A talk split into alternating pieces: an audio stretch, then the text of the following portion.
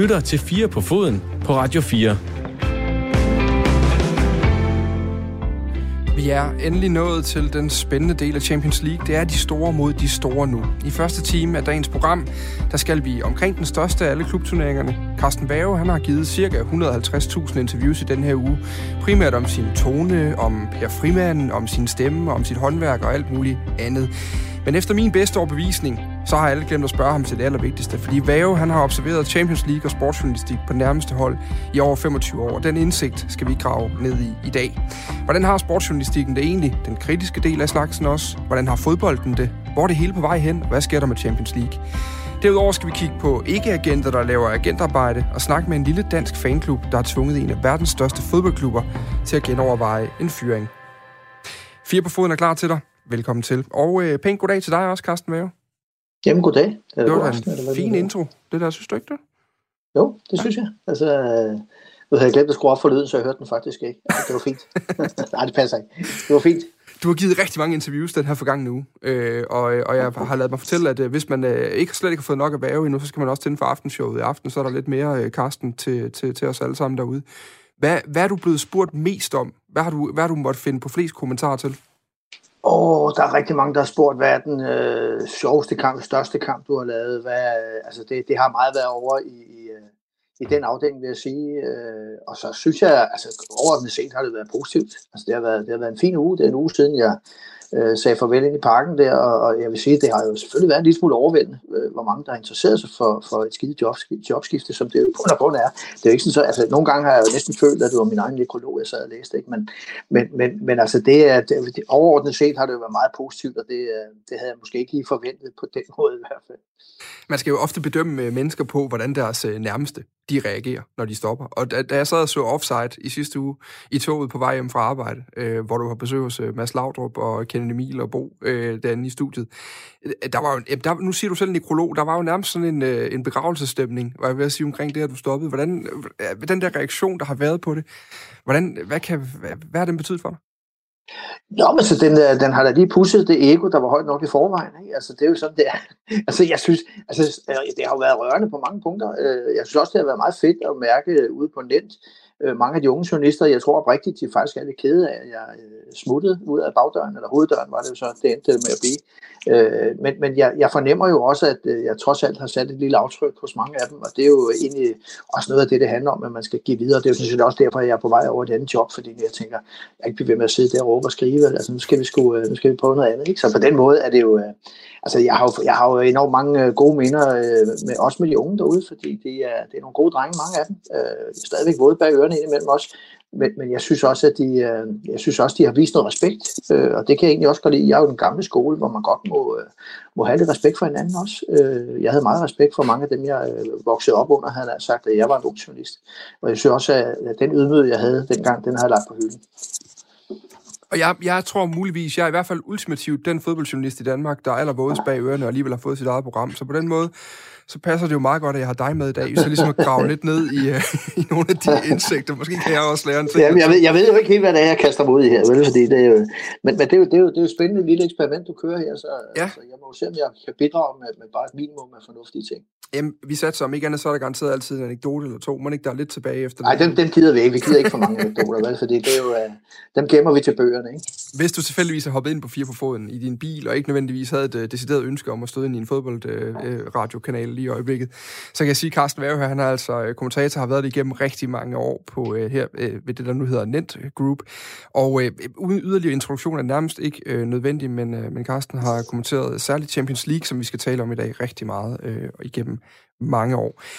Og stoppede altså i den øh, forgangne uge og skal nu være øh, fodboldredaktør hos øh, TV2 Sport, som jo øh, efterhånden har støvsuget, hvad der er af fodboldrettigheder øh, i Danmark på mange forskellige øh, måder.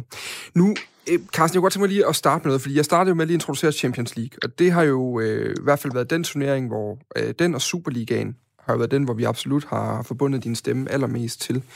Øh, Champions League er nu gået i gang igen, og jeg, jeg fik jo lanceret på den måde der, at det er jo nu de, de, de store, de spiller mod de store udelukkende, hvor vi kommer frem til, øh, til, til, til, til det sluttelige. Når vi nu kigger til de 23 år tilbage, til du øh, kommenterer første gang, jeg kunne læse mig frem til, det var i 98, og så til nu. Hvordan har, øh, hvordan har den her turnering ændret sig øh, i den tid? Hvad, hvad er sådan de største ting, du har set? Øh? Ja, Jamen altså, brandet er jo blevet endnu større, end det var. Altså det, det, er jo, det er jo meget det, der ligger i det, da man starter til, til for, for, for rigtig mange år siden, starter op og, og ligesom øh, lægger øh, den almindelige øh, mesterholdsturnering i graven, Europa kom for mesterhold i graven, jamen så byggede man jo op med det der gruppespil, og det er jo, det er jo blevet større og større, der kom flere og flere klubber, og de, de, de rige er blevet endnu rigere. Der er så nogle af dem, der er meget fattige i øjeblikket, fordi vi har fået den der coronakrise. Så, så på den måde er det jo, det er blevet enormt, og det har man jo også mærket, når man rejst rundt og har været privilegeret at komme rundt til alle de der fantastiske kampe, som, som, som jo er i den turnering. Det er den øverste til turnering. Det skal der ikke være nogen som helst tvivl om. Øh, og der vil jeg sige, altså, det, altså det, de klubber, der er med, er jo stadigvæk skide stolte over at være med, kan man fornemme, selvom der også er lidt oprør i kulisserne i øjeblikket. Og det er også, øh, altså det, det har de grund til, fordi det er en sindssygt velorganiseret øh, begivenhed, den der øh, time ned til mindste detalje. Der er ingen forskel på, om du arbejder i Azerbaijan eller i, i Amsterdam, eller hvor du nu er henne og laver en kamp, så er det fuldstændig samme setup. Øh, så på den måde er det, jo, det er jo helt vildt godt udtænkt, det der brand. Og man kan jo også se, at mange sportsgrene har jo nærmest plagieret, eller kopieret, ikke plagieret, det er negativt lavet ord. Øh, og det, det er jo selvfølgelig, fordi det fungerer. Altså det er jo fordi, at øh, det er blevet så stort at det, i folks bevidsthed.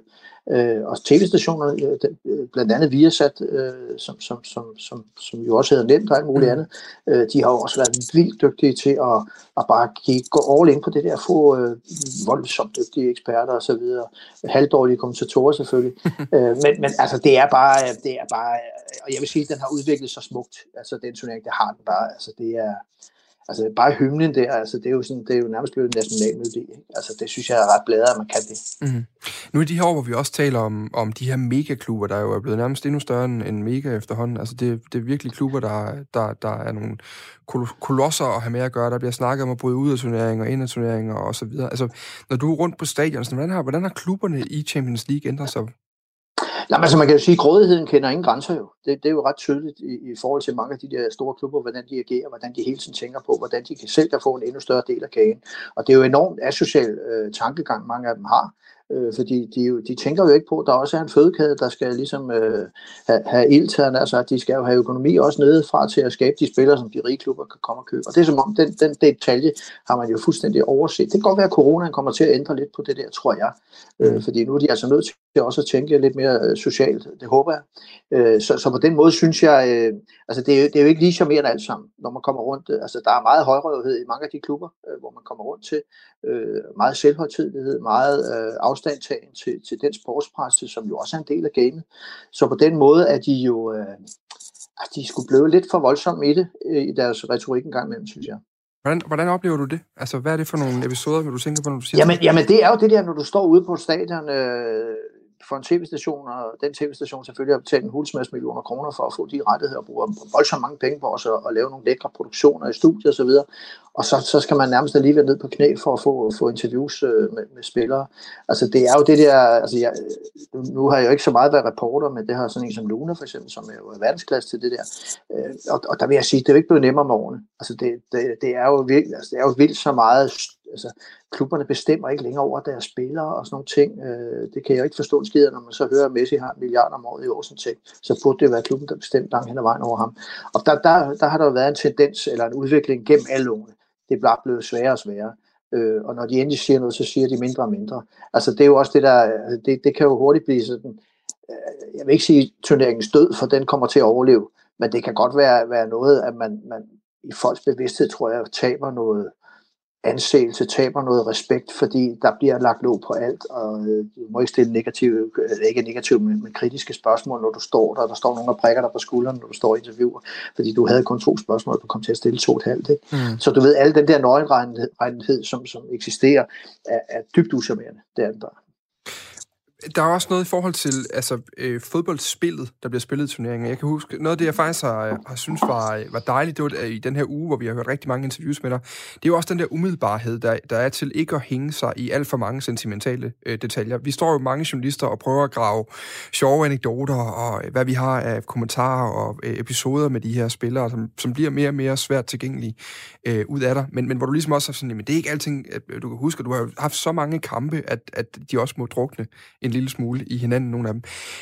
Men når jeg kigger på Champions League, altså sådan i forhold til fodboldspillet, hvordan har det så, hvad, hvordan har det ændret sig, når du, når du kigger tilbage på over årene? Jamen, jeg, jeg synes jo, at de sidste 5-6 år, synes jeg, at fodboldspillet er blevet rigtig, rigtig fint. Altså, jeg tror, der er flere og flere trænere, øh, og det kommer sådan lidt i bølger, det ved man, når man har været der i mange år. Der kommer sådan nogle øh, taktiske tendenser osv., og der har tendensen heldigvis de sidste mange år været, at man gerne ville underholde. Altså der var jo også en periode, jeg kan huske den finale, der var mellem øh, Milan og Juventus over på Trafford for 1000 år siden, 2003 eller sådan noget, tror jeg det var, mm. som var forfærdeligt. Altså som var røvsyg, og, og det var ligesom om, at du ved, øh, det åbnede måske nogens øjne for, at det her er også en underholdningsindustri. Øh, og det gode offensivt betonede fodbold, det kommer selvfølgelig med de trænere, som, som, som kommer til magten i de store klubber. Og der må vi også sige, at mange af de trænere, der, der ligesom har, har bragt sig selv på banen i, i nyere tid her, det er jo træner med, med en meget offensiv tilgang og, og en øh, progressiv måde at tænke på i forhold til fodboldspil. Så på den måde synes jeg faktisk, at fodbolden er blevet meget bedre. Mm. Øh, meget bedre. Øh, og det er jo, øh, jeg håber, det, det var ved, men man kan sgu aldrig vide, vel, fordi det har det jo med at, at ligesom køre i ring, ikke? Altså tingene, så lige så kommer der en dårlig periode, ikke? Men jeg håber det ikke, fordi jeg synes, altså det er jo noget af det, der øh, selvfølgelig, vi sidder der, det er de bedste fodboldspillere, der er samlet øh, i ganske, ganske få klubber, når det kommer til stykket, og så skal de fandme også have lov at udfolde sig, synes jeg. Det bevæger sig også meget i retning af, altså når jeg også præsenterer Champions League øh, foråret her nu, i med at det, det, det er de store mod de store, det er selvfølgelig de kampe, der er der er størst, det er de bedste spillere mod de bedste spillere, de største trænere og alle de her ting omkring det.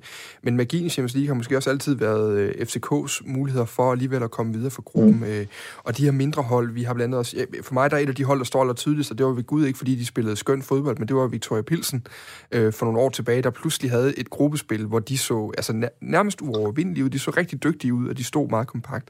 Og det er jo også noget, der skaber de her historier. Vi havde Talenta sidste år, som måske er en lidt anden kategori, men som jo også var et enormt dygtigt fodboldhold øh, rigtig langt hen, og en, og en meget lille størrelse. Men, øh hvor meget betyder den del af det, og er det ved at forsvinde? Nå, nå men altså, nej, nej, jeg tror ikke, det er ved at forsvinde. Det tror jeg faktisk ikke, det er. Altså, der, der popper altid nogen op. Der er altid nogen, der lige bliver kæledækker for en sæson eller to.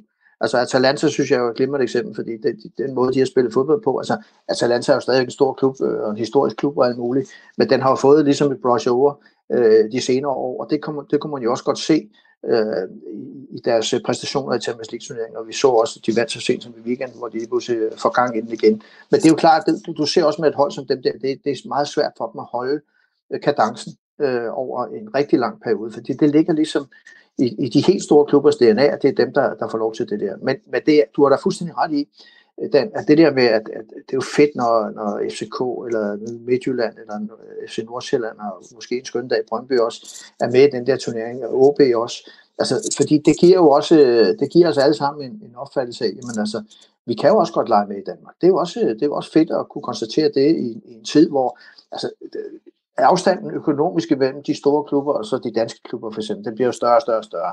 Mm. Men du kan bare se på lønbudgetter og så videre. Øh, så det er jo i sig selv en præstation bare at komme med i den turnering. Hvis man bare kan skrave et point eller to sammen, så er det jo også en, en fin fortælling. Men de kommer jo ikke til at vinde. Altså det ved vi jo alle sammen. De kommer ikke til at vinde noget, fordi i sidste ende, så er det jo bare en München, som, som, som er en, magt, øh, en kæmpe magtfaktor og så videre. Real Madrid skal nok også komme igen. Barcelona om 7-8 år. Ikke? Altså, ja. så, så, på den måde, så på den måde er det jo... Øh, altså det, det, det, sådan vil det altid være. Det er jo også, altså det, du ser jo heller ikke, øh, hvad skal vi sige, øh, Australien kommer ikke til at vinde VM i fodbold, men altså det er jo sådan, det er. Øh, der er nogen, der bare er, er stærkere end andre, fordi de har en helt anden kultur med det. Nå, men jeg skulle faktisk lige til sådan lige at, at runde den her Champions League-blog af med ligesom at spørge dig lidt ind til årets, øh, altså sådan, simpelthen suge på, øh, på den gamle mands erfaringer ja, og indsigter. Jamen nu er jeg jo stået af. Ja, men altså, der er jo stadig lidt... Har du fået set Champions League den forgangne uge, eller holdt du helt fodboldfri? Ja, ja, nej, nej, jeg, jeg, jeg sad og så det. Uh, selvfølgelig sad jeg og så det, og det var, det var sådan lidt spøjst, fordi lige pludselig skulle jeg se det uden at, og ligesom skulle koble hjernen ret meget til, ikke? og se, uh, se hvad mine uh, tidligere kolleger, de lavede præstationer. Det var dejligt at se, fordi ja. de holdt højt, højt fint niveau. Uh, så på den måde, uh, jamen, jeg sad og så det, og, og, og hvis du spørger mig, hvem jeg tror, der vinder, øh, så vil jeg sige, øh, det ved jeg sgu ikke. Ja, det, vil det, det, ja, jamen, altså, det er jo, jeg, nu der, jeg har ramt forkert i, hvor mange år har jeg dækket den der Jeg har aldrig nogensinde ramt en vinder, tror jeg. Øh, så det ville jo være helt håbløst, hvis jeg her, når jeg nu er, er trådt ud af det, også begyndt at komme med noget. Men jeg vil jo sige, at hold som Manchester City øh, det ser jo altså ret godt ud, det ja. må man sige. Altså, og, og, og samtidig med, at de spanske hold selvfølgelig falder og falder og falder. Vi ser også Bayern München, som har lidt svært ved at holde øh, sidste sæsonsniveau.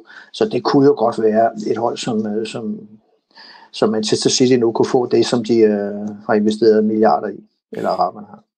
Vi må se, hvad det ender med. Øh, og vi kommer også tilbage til Carsten Værge rigtig rigtigt senere. Han er jo med i programmet, jeg skal hjælpe mig med at interviewe nogle øh, kilder. Igen det her med, at øh, jeg er jo bare øh, glad for at have en, øh, en, øh, en erfaren og, øh, og moden sidevogn på programmet i dag, der kan hjælpe mig lidt, som, øh, som den med de våde ører i selskabet. Øh, men ikke desto mindre, så hvis du har spørgsmål til uh, Carsten Mave, noget der ikke er blevet spurgt om, det kan være svært at finde noget i den forgangne uge, send dem ind til 1424, start lige sms'en med R4, så skal jeg se, om jeg ikke kan, kan logge et svar ud af, ud, af, ud af Carsten her i løbet af programmet. Altså 1424, start sms'en med R4.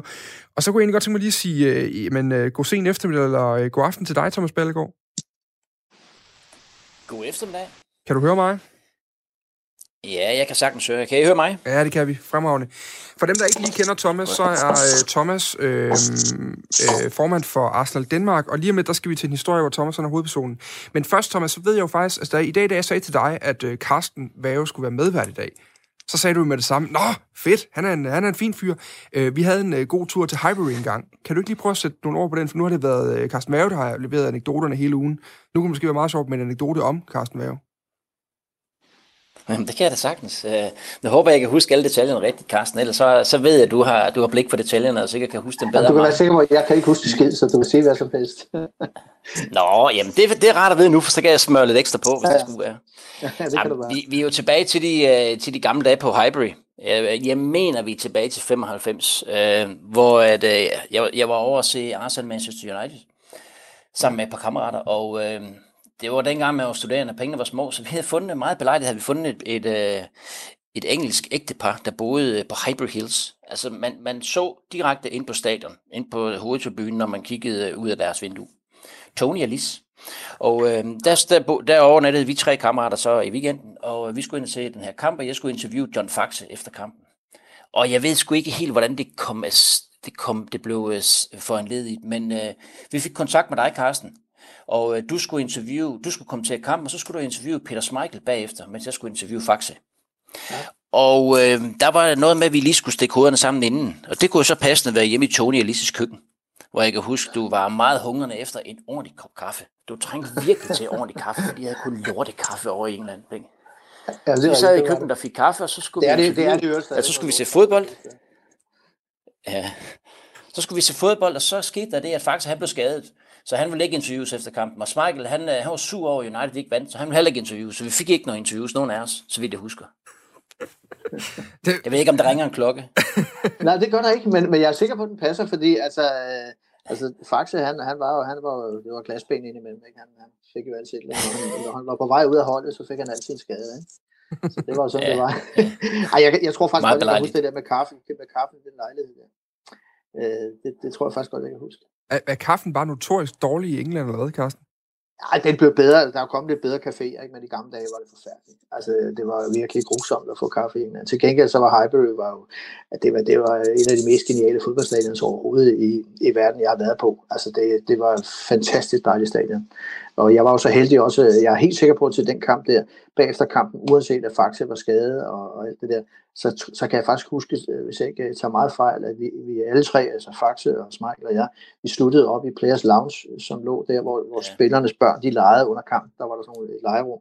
Ja. Øh, og der lå den der Players øh, Lounge, hvor vi lige kunne få en, en pint eller to. Så, så på den måde, yes. øh, kan, jeg elskede at komme på Highway. Jeg synes, det var, det var simpelthen en vidunderlig fodboldstadion. Og det, gamle, det nye stadion er jo noget forfærdeligt lort. Jamen, det, jeg, øh, jeg har tidligere i det her program øh, berettet om, hvordan jeg øh, havde set frem til min første tur på Emirates, og så øh, simpelthen stod som anden slukket nordmand og kiggede på de her stenovnsbagte pizzaer og specialøl, og man var ved at gå ud af mit gode skin. Hvad hedder det? Øh, vi skifter lige spor videre, fordi vi skal faktisk lige øh, runde en, en historie, som vi netop skal tale med dig om, Thomas Ballegaard. Øh, fordi vi skal nu alle sammen øh, høre og møde en øh, mand ved navn øh, Mark Brindle. Mark Brindle, han var indtil januar i år, eller indtil lige godt årsskiftet her nu, øh, det der hedder SLO i Arsenal. Supporters Liaison Officer.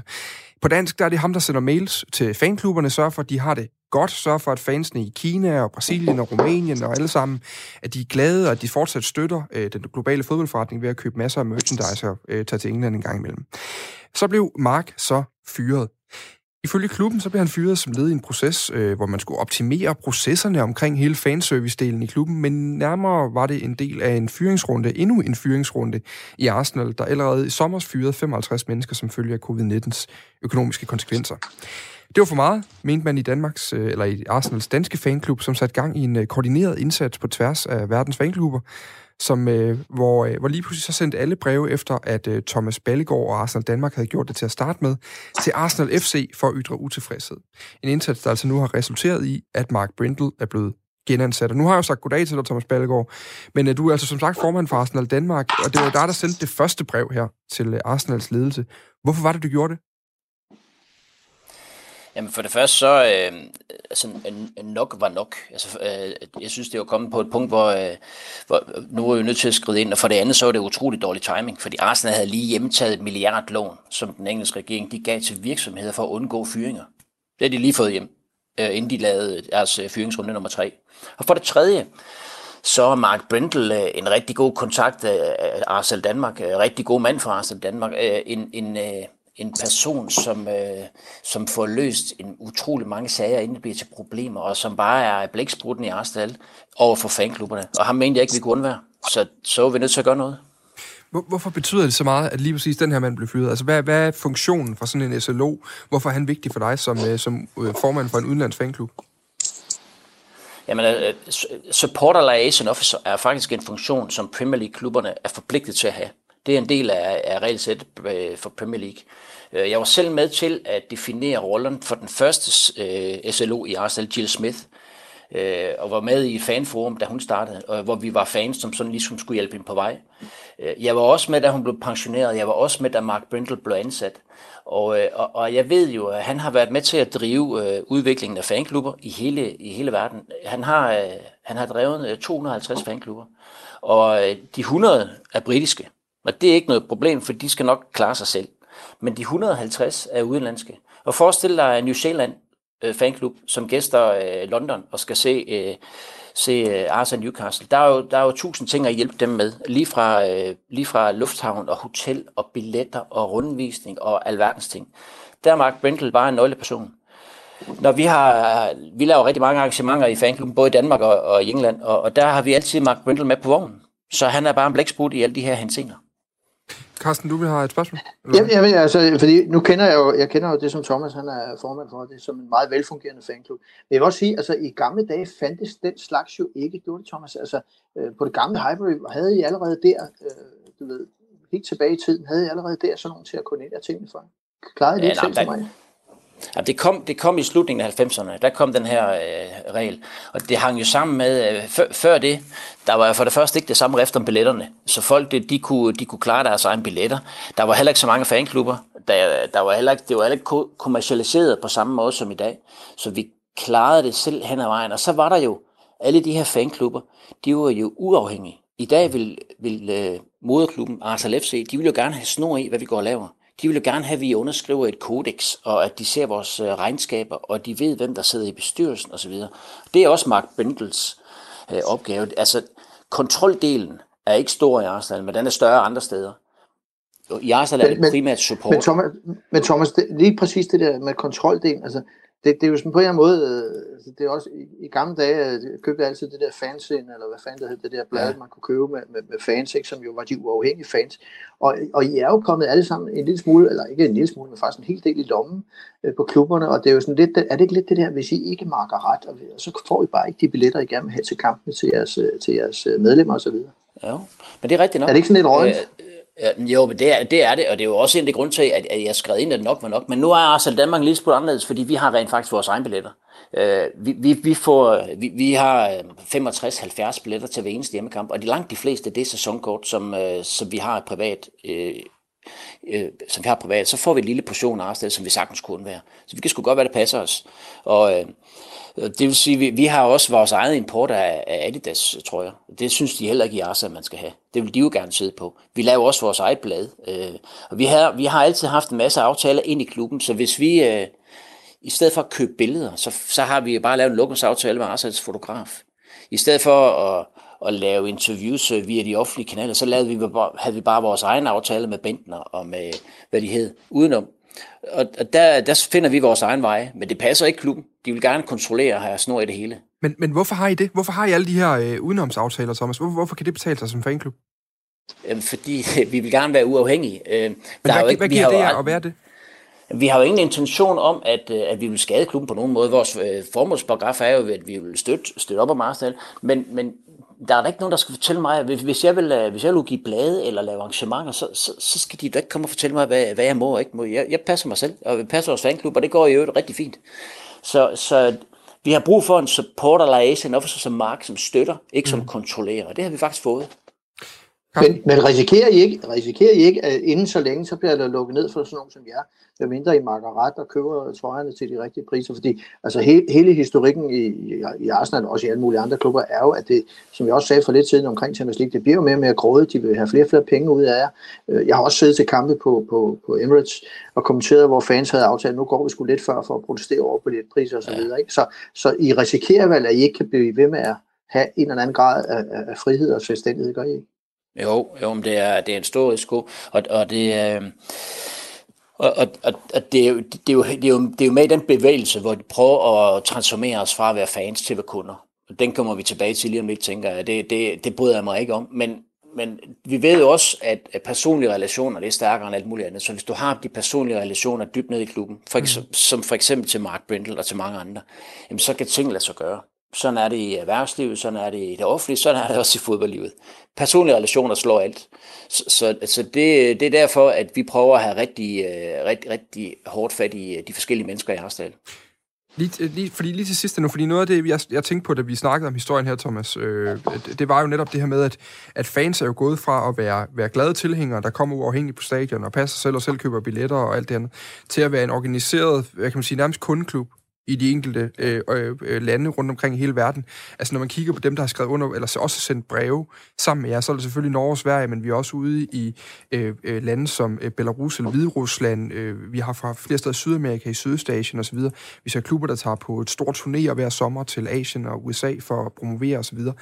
Altså, er I netop gået over at blevet kunder, og er det egentlig så ikke bare på tide, at I begynder at udnytte øh, kundens ret, som jo også er at sige, jamen øh, hvis ikke I, I leverer det produkt, vi gerne vil have, så lad være med at betale? Jo, det, øh, det, kunne, altså det er, vi, er blevet, vi er blevet decimeret til kunder, og det er, øh, det er beskæmmende at se. Men, men et eller andet sted har man stadigvæk også passionen og hjertet med. Så øh, vi, det ender jo med, at vi køber trøjen hver år alligevel. Øh, at, hvor vi så køber den hen, det, det, er, jo, det er jo så forskelligt fra, fra fan til fan, fra kunde til kunde. Men, men den der flytning fra, fra, fra, fra passionerede blåede fans til kunder, den er, den er sket. Det er den jo i alle de store klubber. Øh, men, men som du siger, hvis det er den transformation, der er sket, så må vi også kunne stå sammen og så kræve en kundens rettigheder. Og det var det, vi gjorde i forhold til Mark Brindle. Det var, at vi bare stod sammen. Nu er det heldigvis en, en struktureret gruppe af fanklubber, så det var relativt nemt at komme sammen. Og det, det, fik, det fik jo en effekt. Hvor, hvor meget kan man have effekt på? Altså, hvor meget bør man også som fan kunne have effekt på? Nu har jeg fået genansat man kan sige, den mand, der har med fanklubberne at gøre, det giver jo på en eller anden måde logisk nok øh, noget mening, at I har noget at skulle sige der. Men, men altså, har det her givet blod på tanden til andre ændringer? Jeg, jeg ved, øh, ja, altså, vi har jo i forvejen, øh, så har man nogle gode relationer fanklubben mellem. I, I forbindelse med det her brev, der ringede jeg til Norge og Sverige øh, fanklubber, for at høre, om de ville være med underskrive på det første brev. Så, så vil vi stå med en øh, fanbase, medlemsbase på over 10.000. Og, og dem, har, dem har jeg faktisk øh, oprettet et, øh, et struktureret møderække med efterfølgende. Mm. Øh, vi har ikke nogen sag, som sådan lige vil stå på trummen på, men det er rart at det er rart at have noget koordination kørende, så man, man har muligheden, hvis det skulle, hvis det skulle komme dertil. Men Thomas, kunne man forestille sig, at, at at øh, nu den eksisterende coronakrise, som jo desværre var lidt endnu, at den i virkeligheden er en fordel for jer, fordi klubberne måske er mere nødt til at lytte til lige nu, hvor indtægterne ikke bare er, som de plejer at være? Ja, det kunne man sagtens. Øh, det har de også gjort. De har ragt ud i forhold til, øh, hvis man, hvis man har sæsonkort, øh, og og det er, jo, det er jo ikke nødvendigvis fanklubmedlemmer, der har, men det, man, man, må, man må tage udgangspunkt i, at det er etablerede fans, der har det sæsonkort. Så har man jo lagt nogle penge op front i klubben. Dem er det ligesom afhængige af, men når så sæsonen, den der ikke kommer flere tilskuere, så kan man jo kræve sine penge tilbage. Der har de været ude med hatten i hånden og spørge, om, om, vi, vil, om vi vil lade pengene stå så klubben kunne arbejde med de penge, øh, og så, øh, så får vi nogle goder på den, på den længere sigt. Så, så I, så du der I stiller det modkrav, eller hvad? Nå, det kunne man passende gøre jo, hvis ikke, øh, hvis ikke de ville være med til at, altså den, den, her, den her med supporter liaison officer, det var et skridt for langt, fordi man, man, Man gav bare kasketten til en, en medarbejder, som ikke havde, som ingen relationer havde, som havde nok i forvejen, så det var bare et proforma skridt. Det havde ikke en skid med optimering at gøre. Så det er for eksempel et modkrav, vi er i vores gode ret til at stille.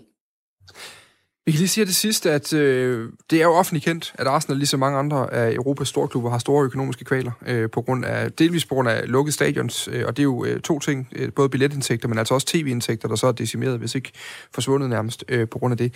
Arsenal Supporters Trust, der er en forening, der ligesom er bindeledet mellem fans og klub, har, har tidligere vurderet, at en hel sæson med øh, lukkede tribuner vil medføre tab i Arsenal FC på op mod 200 millioner dollars i sæsonen øh, 2021. Og så kan vi lige sige til sidst, det er måske også en god nyhed til dig, Thomas, jeg ved ikke, du har hørt det allerede, men ifølge Sky Sports, så har øh, Stor, eller Englands, øh, Storbritanniens premierminister Boris Johnson øh, i dag fortalt, at øh, større fodboldstadions, øh, vil, øh, der vil det være muligt for op til 10.000 mennesker at komme ind fra den 17. maj. Det vil sige, at der altså vil kunne være fans øh, på stadion til den sidste PL-runde, som jeg lige husker det, i den sæson, som ligger den, øh, den 23. maj i år. Det er måske øh, gode nyheder. Det er jo virkelig gode nyheder. Det glæder vi os til. Vi satte på, så må vi se, om der sidder 65 danskere der, og jeg sidder med, med alle mulige skilte om alt muligt, de vil have ændret i klubben samtidig. Det kunne være fint. Ja, eller vi måske spiller på udebane den sidste runde. ja, det kunne man forestille sig. Jeg kan ikke huske det.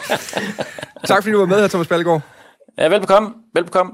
Og tillykke med et nyt job til Carsten. Du lytter til Fire på foden på Radio 4. Sådan. Tak for hjælp, Carsten. Det, var, det, det kan da godt være... Ah, nu får du selvfølgelig så travlt på TV2 Sport med det der redaktørjob der, men ellers så kan vi da godt finde på en eller anden lille øh, en sidegeschæft der, hvis det var. Det, det er kun et spørgsmål om prisen, ja det finder vi ud af. Det, det, det tænker jeg, det må være nogen højere op end mig, der hører det her program og øh, går i gang med det instantly. Lige med der skal vi tale med øh, en anden øh, tidligere paneldeltager, eller paneldeltager, som er relativt ofte med her på programmet, Gisle Thorsen fra Ekstrabladet, og det er om en historie, der handler om agenter, som ikke nødvendigvis er registreret som agenter, men alligevel agerer som sådan. Men, men lige kort, og det er egentlig bare lige et par minutter op til det her, Carsten, så noget andet, jeg også husker dig for, det er et interview særligt med en mand ved navn Michael Koreshi. Det er tilbage i 2016. Øh, Michael Qureshi er meget, for, for min generation, så var han en mand, der skrev meget i Goal, da jeg var lille. Det her øh, blad med store kulørte billeder, og lige før ja. plakater i midten og så videre. Og var det journalist, man fulgte meget, og han blev faldt altså så i 2016 simpelthen, øh, jamen, med fabrikerede kilder og... Øh, og, og ganske mange andre ting. Den historie kan man læse meget op på andet sted, så den kunne vi hurtigt have lavet en hel øh, time om, hvad det var der. Men du har været en mand, der også insisteret på den her kritiske dækning, og, og jo også både, hvad der sådan, hvad kan jeg sige, sådan journalistisk kritisk arbejde i forhold til at lave historier og undersøge ting, men også at gå, at gå til bidet i, i artikler øh, og, i, og, i, og på fjernsyn i interviews generelt. Hvordan har den kritiske sportsjournalistik det i Danmark i dag? Fordi det er jo noget, du i den grad har nogle meninger øh, om, og som, også, som du også skal lave mere af som fodboldredaktør nu. Ja, men altså, jeg, jeg synes jo, nogle steder har den det fint. Øh, nogle steder har den det fint. Altså, jeg synes jo, nu har vi Gisle med, øh, kunne jeg forstå, øh, om ikke så længe. Altså, Gisle er jo en af dem, som virkelig, synes jeg, hæver, hæver niveauet.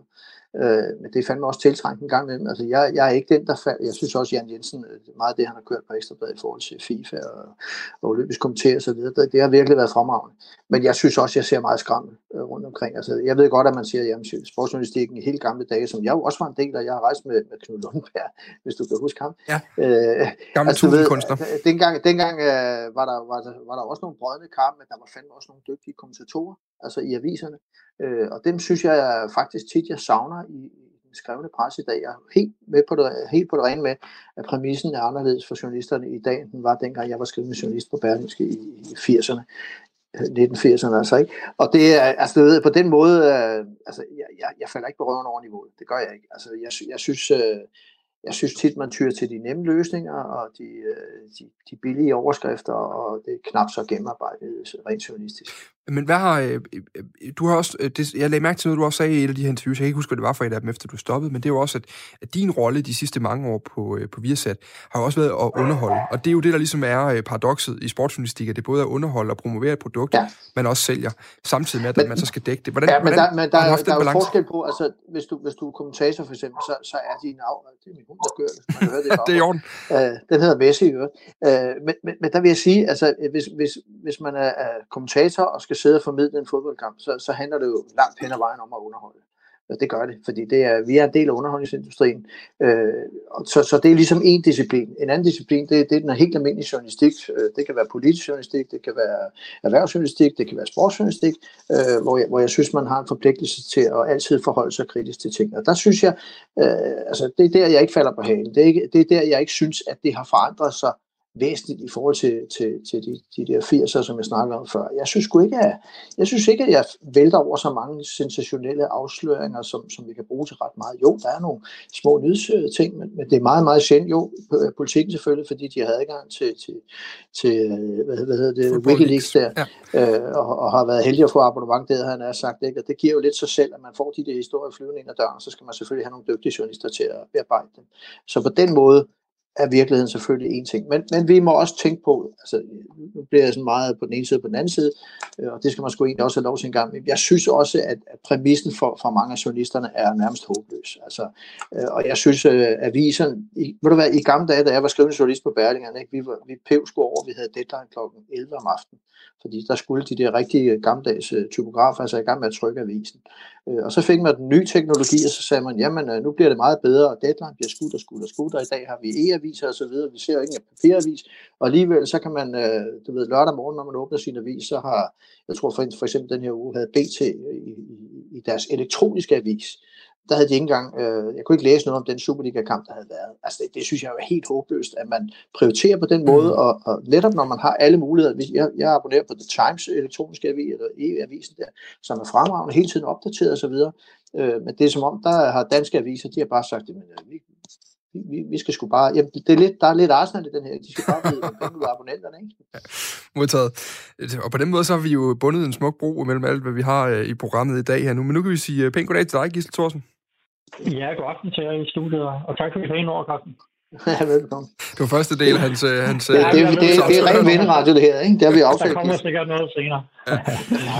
Nå, øh, grunden til, at vi har dig med, Gisle, det er, at du står som øh, en af forfatterne på noget, der i hvert fald øh, dufter af, af undersøgende og i god kritisk øh, sportsjournalistik i dag, sammen med din kollega Mads Glenn Vilast. Det handler ganske enkelt om en, en uautoriseret agent, som, som spillede en hovedrolle der, og det er måske en spiller, man ikke nødvendigvis kender, men nok mest kender fra overskrifter. Han hedder Jonas Energius, han er U19-landsholdsmålmand, og i januar, der blev han pludselig en af de mest øh, omtalte danske fodboldspillere. Ikke bare unge fodboldspillere, men danske fodboldspillere. Fordi han øh, efter sine var øh, centrum i en transferkrig mellem Brøndby FCK om at hente hans, øh, få hans underskrift, øh, hvor, han, øh, hvor han så endte med at vælge Brøndby, da han skulle skifte fra, fra Lyngby her nu.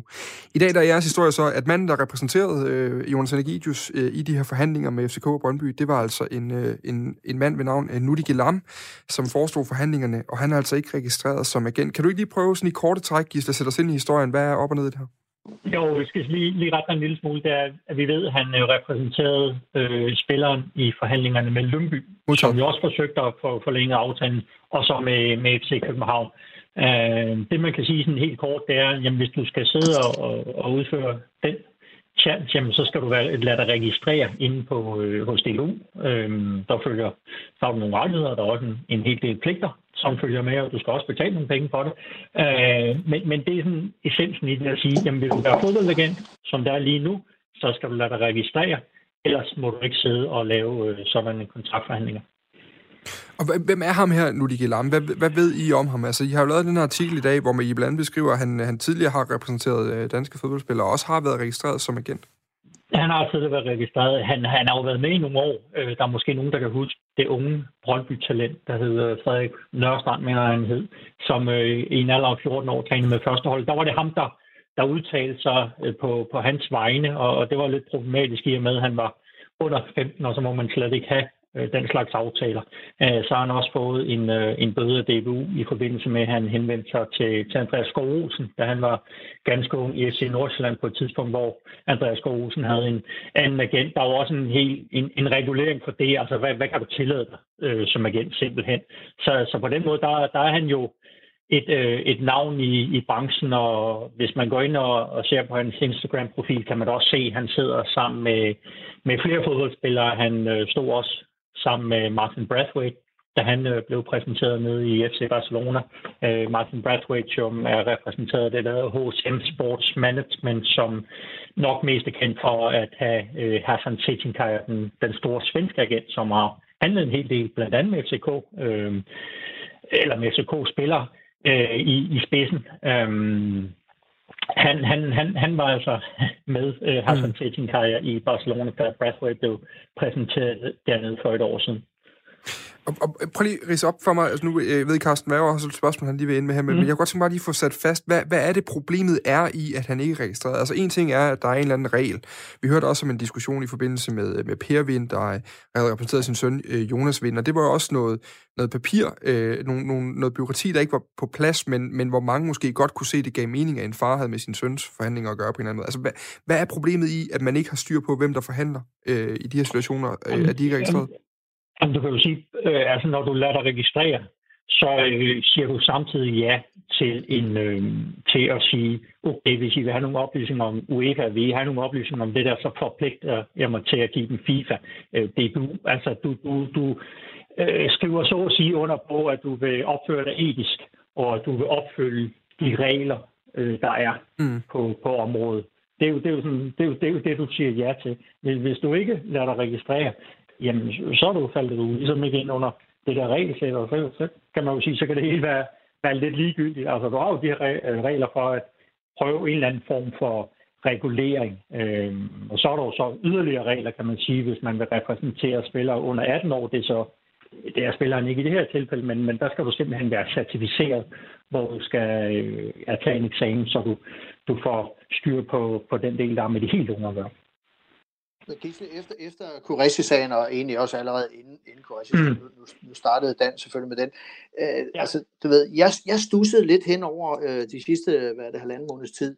Altså, jeg stusser sgu altid, når der lige pludselig er meget opmærksomhed i et stort dagblad som BT, som, som, som virkelig øh, havde mange historier om ham der, Jonathan Egidius, som ingen af os i virkeligheden havde hørt om, for nu at være helt ærlig. Øh, mm. Og der tænker jeg altid, når jeg ser sådan noget, så tænker jeg, der er en eller anden agent her, som virkelig er sovset ind i det, eller en journalist på den pågældende avis, som er sovset ind i et eller andet med den agent, og ligesom får skrevet prisen op på ham, hvis du forstår, hvad jeg mener. Er det også nogle gange den fornemmelse, du sidder med, for eksempel i et tilfælde som det her? Ja, det er i hvert fald en, en, en tanke, man, man, man godt kan have. Øh, det er jo ikke noget, jeg har dokumentation, for at kunne, kunne sige. Nej, men, men det er jo fornemmelser, fornemmelser må man godt have. Det havde du også, da du var ung, Kisle. Ja, selvfølgelig, selvfølgelig. Men, men, men, men det er jo netop det her at sige, hvad er interessen i det her? Altså, hvorfor er det, at vi lige pludselig skal, skal høre en hel masse om, om det her, og Brøndby TK, og jeg kan da godt se, det er, det er, en, det er en god historie at have som, som journalist, men jeg tror også, jeg har diskuteret det med, med Dan tidligere derinde, at sige, altså, men hvad er hele, altså, hvad er kildens interesse for at give dig den information? Altså, mm. hvad, hvad er det, de vil have det ud af det? Altså, øh, vil de prøve at presse løn nok til den her spiller, fair nok, men, men så skal du også bare vide det som journalist, at, at du, kan, du kan blive brugt. Øh, og det er jo, ja, det ved, det ved Carsten jo også om, om ja. nogen, at, at det er jo noget, man skal virkelig have øje for, især i, i de her tider, hvor der er, ja, det, dels er der store økonomiske interesse på spil, men, men det er jo også en eller anden kamp om, øh, at man vil ud og ja, sælge sig selv som agent og sige, se hvor dygtig jeg er, jeg kan skaffe en spiller fra, fra A til B. Øh, det er jo også et øh, markedsføringsværktøj for en, for en agent at sige, jeg, jeg er meget ude i medierne, jeg har de her sager, se, jeg, jeg fik skaffet øh, den her spiller til, til den her klub. Og det er, er sådan rent journalistisk etisk hensyn også så lige at sige, at, at vi har selvfølgelig ikke, altså historien her handler om, om det, det faktum, at han ikke er registreret som agent, og om der er nogle, øh, nogle issues der. Altså, hvad der foregår. Mm. Øh, vi, vi har som sådan ikke noget øh, grund til at og nødvendigvis andet end fornemmelser, og, og fornemme, at der har været ekstra opmærksomhed, eller at nogen har begået problemer nogle andre steder, bare lige for at, at sidde og være dydens, øh, dydens dydsmønster herovre i hjørnet. Altså, det, det er jo ikke forkert, at en agent prøver at udnytte og, og ligesom få markedsført en af, en af de spillere, han repræsenterer, om han så har tilladelse til det eller ej, det er selvfølgelig en helt anden historie. Men, men jeg siger bare nogle gange også, at man som journalist selvfølgelig er forpligtet mm. til at være ekstra kritisk, når de der historier bare kommer væltende ind ad døren, fordi de ja. kommer jo nogle gange, hvis man har nogle gode pislekender, kender jo altid gode ja, kilder, ja. Øh, og de skal jo også fodres lidt en gang imellem, ikke? Men, øh, og det, det, det, er bare der, altså, hvor jeg tænker, der skal man, øh, der skal man altid være varsom. I hvert fald. Hvordan har du... Ja, altså, man, ja, ja, bare, jamen, det er jo så for, for at sige som Carsten, at man, man skal netop også sige, okay, hvad er det lige, der er på spil her? Altså, hvad, altså, hvad interesser? Altså, hvad, mm. hvad vil personen have ud af at fortælle det her til mig? Ja. Øhm, for der er jo altid en bagtanke med mange med, med ting. Gisle, her til sidst kunne jeg godt lige tænke mig at høre, hvad, hvad er konsekvensen af det her? Fordi jeg tænker, hvis nu øh, det var alle mulige andre steder, hvor der er en regel om, at man skal tilmelde sig nogle, øh, øh man skal registrere sig, man skal tilmelde sig et regelsæt, man skal være en del af, af hvad kan man sige, den øh, på papiret skrevne del af, af branchen i agentbranchen. Og det er jo en mm. branche, vi har diskuteret mange gange i det her format også, også med agent Michael Stensgaard, som også tit har rettet en bredside mod sin egen øh, øh baggård, hvad jeg vil sige, øh, af kolleger. Hvor, hvad er konsekvensen af det her? Egentlig inden for DBU? Jamen, jamen det, er jo, det er jo DBU, der skal afgøre det, og dem, dem har vi også haft fat i. Der kommer noget ud senere. Altså, de har ikke ønsket at stille op til et, uh, til et egentligt interview. Altså, de vil, de vil kun have det, spørgsmålene på skrift, og så kan de ja. så sende et, uh, et svar ud for det. Uh, og det er jo sådan, sådan lidt, at, uh, at de siger, at agenter skal være registreret i DBU uh, og alle de her ting, og henviser til deres eget cirkulære. Uh, og og siger noget i retning af, at DBU undersøger også, om klubberspillere har benyttet sådan ikke registrerede agenter i strid med agentcirkulæret, og så siger de, at det er i strid med, med reglerne, hvis det sker, og, og at der kan øh, sanktioneres. Øhm, så det er, jo, det er jo et eller andet sted op til DBU, om de vil sige, vil de være, gå ind og sige, nu vil vi egentlig varetage det system, som vi har. Øh, altså det er jo, jeg vil svare lidt til, det er jo lidt ligesom færdselsloven, at sige, hvis, hvis sige, jeg gider ikke have et kørekort, fordi så kan jeg ikke få en bøde, når jeg kører for stærkt. Mm. Altså, det, det er jo lidt, og så hvis de sagde, om desværre, vi, vi kan, her Thorsen, vi kan ikke give dig en bøde, du har ikke noget kørekort, de, de, de kører for stærkt, altså den, den, den går ikke. Og det der, det der er jo et meget godt billede på, Gisle, at det ikke altid er lige at være sportsjournalist, i og med, at alle nærmest kun vil svare per mail i dag. Altså det betyder jo, at man nærmest ikke kan lave sit arbejde som journalist. Altså, ja. og det kan vi jo alle sammen godt være enige om, at det er jo, det er jo en trend, som er helt forfærdelig, og som, som vores egen statsminister jo også er i den grad øh, forgangskvinde for os. Så det er, jo, det er jo noget af det, man skal have udryddet, hvis man gerne vil genindføre den kritiske journalist, journalistik sådan for alvor. Ja, og en ting er, I kan sidde, I kan sidde og tude. Du kan skrive noget på skærmen, Carsten. Du kan skrive det i avisen. Jeg kan sgu ikke proppe det i radioen, når nogen gør det der. Nå. Nej, nej, men det er jo også den her styring af information. Øh, at sige, jamen, vi vil vide præcis og alle de her ting. Mm. Altså, det, det, det, det bliver noget underligt noget, men det er også noget, der virkelig kortslutter, kortslutter hele vores øh, journalistiske proces. Vi kan sige til sidst, at øh, Jonas Energidius endte altså med at skifte til Brøndby på den aller sidste dag i transfervinduet. Der blev han købt fri af Lyngby, og det er altså et halvt år, før han, øh, han ellers skulle være øh, tiltrådt. Artiklen kan man læse ind på ekstrabladet.dk, og som jeg kan forstå på Gisle Thorsen, så kommer der også mere øh, i den øh, serie i dag og de, de kommende øh, dage. Det skal lige huske at sige til sidst. Ekstrabladet har ikke kunne få en kommentar fra Nudi Gelam over det sidste døgn, hvor man har henvendt sig til ham. Øh, vi har også haft skrevet til ham her på Radio 4 i dag, og spurgt om en kommentar via en social medier, men har heller ikke fået øh, noget svar tilbage. Hvis han vender tilbage, så vil vi selvfølgelig bringe det i næste uges udsendelse. Gisle Thorsen, tak for i dag. Jamen, velbekomme, og have en rigtig god aften. Og i lige måde.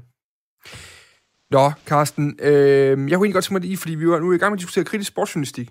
Øh, og det, der kommer jo noget med de her svar også, altså det er som du selv er inde på. Hvad irriterer egentlig dig sådan mest i det? Altså fordi du har, øh, du, du, du brugte jo også din, dit afsluttende her til lige at få sendt en, jeg vil ikke sige en brede side afsted, men mere sådan en, en kraftig opfordring, lidt på samme måde som en far, der beder sit barn om at lave de forbandede lektier nu, altså øh, til, til yngre kolleger, jeg går ud fra det til os alle sammen, om at, øh, at man må gerne gå til stålet.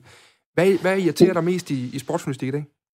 Jamen, men det irriterer mig jo det der med, at, at alting bliver ligesom pakket ind. Altså, du ved, det, det, er, jo, det er jo den styrede virkelighed, som, som sportsjournalisterne meget ofte øh, rammer ind i. Og det synes, jeg, det synes jeg er synd, fordi altså, egentlig synes jeg også, at idrætsklubber må være, må være øh, forstående over for, at der er også kritiske historier, som skal laves omkring det, de foretager sig. Det er en del af showet. Mm. Altså det her, altså hvis du tager øh, inden for fodbold, jamen det, fodbold er en underholdningsindustri, øh, og der, der er gode historier, der er dårlige historier, øh, men det er som om, at man kun vil, vil fremstille alle de smukke øh, historier, selvom vi alle sammen godt ved, at der er en anden side af det også. Så jeg, jeg, sy, jeg synes egentlig, at, at de klubber, som måske til sidst indser, jamen altså, vi skal sgu også være ligesom hvad hedder sådan noget, helt almindelige menneskelige i vores øh, tilgang til ting. Vi kvejer os en gang med, ja. okay, så siger vi, at vi har kvejet os og så videre. Fordi det hele er skulle blive så, øh, så, så pænt og kontrolleret, så jeg kan slet ikke forstå, øh, jeg, jeg synes simpelthen, at de, de undervurderer os. Vi ved jo godt, at der, der findes nogle historier, som de ikke er så glade for at komme ud, men de skal jo ud en gang med. Og det, der, der, det er sgu svært for øh, Gisle, altså, som jeg sagde før, Svelas på Ekstrabladet er også dygtig. Øh, men, men det bremser jo også noget, hvis vi snakker journalistik, det bremser jo også udviklingen af mange unge journalister. Fordi de, de kommer ingen vegne, de, kan ikke, de, kan ikke, de har ikke de der muligheder, som vi måske havde i gamle dage, for lige at stikke hovedet ind og, og, og på kontoret i en klub og sige, hvad fanden er der sker her? Carsten Mave, det har været en kæmpe fornøjelse, at du har lyst til at være med i dagens program. Jamen, det har været hyggeligt. God øh, vind fremover. Vi glæder os til at følge ja, med, så lover vi nok at ringe og, øh, og, og dele bredsæder ud, hvis, øh, hvis vi er utilfredse noget en gang imellem. Det, skal du. Det, det, det gør jeg gerne. Ja, det er godt. Carsten Mave, altså øh, tidligere, nu tidligere fodboldkommentator på Viasat og øh, fremtidig fodboldredaktør på TV2 Sport, hvor vi kan øh, nyde ham øh, derfra. You know, back when I was... Du lytter til 4 på foden på Radio 4. Og her til øh, sidst i programmet i dag, der skal vi øh, omkring et nyt element, fordi vi husker alle sammen, eller har alle sammen hørt om Pelé, Harald Nielsens skyldende tid i Bologna og den hollandske totalfodbold. Men fodboldhistorien er jo meget mere end de allerstørste, og derfor vil vi fremover i Fire på Foden dedikere tid til at dykke lidt dybere ned i fodboldhistorien og berige dig med gyldne personer og anekdoter fra dengang fodbold jo ikke var cykeltrøje, stramme fodboldtrøjer, astronomiske lønninger og var. Fodboldhistoriker Svend Rybner, han hjælper os hver uge med at finde guld frem fra arkivet, og i dag skal vi møde den ægte Luis Suarez. Luis Suarez Miramontes, som hans fulde navn er, var ballonovervinder og øh, blev født i 1935 i La Coruña, der ligger i den del af Spanien, der hed Galicien, men som havde sin storhedstid i Barcelona og siden 60'ernes Inter Milan.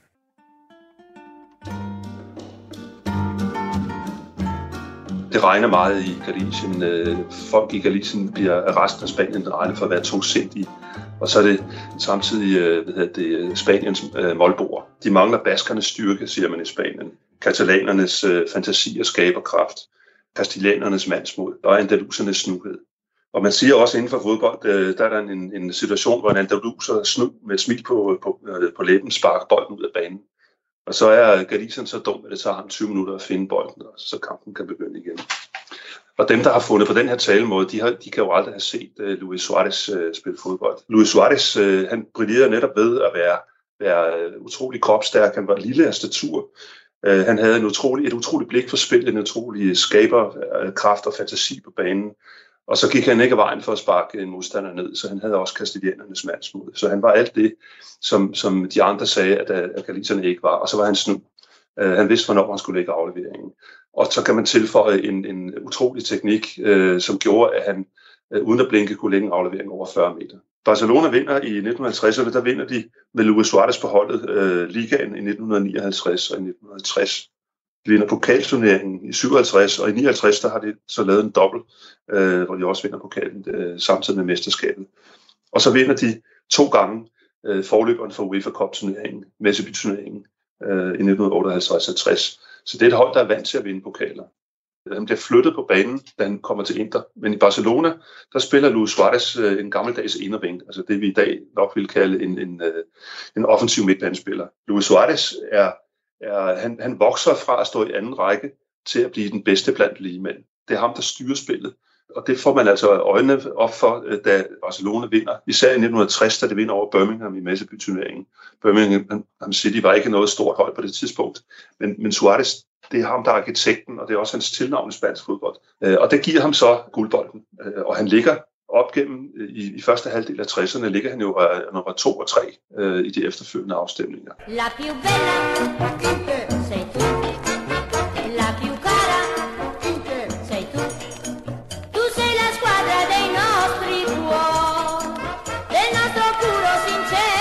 til, at Luis Suarez skifter fra, fra FC Barcelona til, til Inter, er meget omdiskuteret.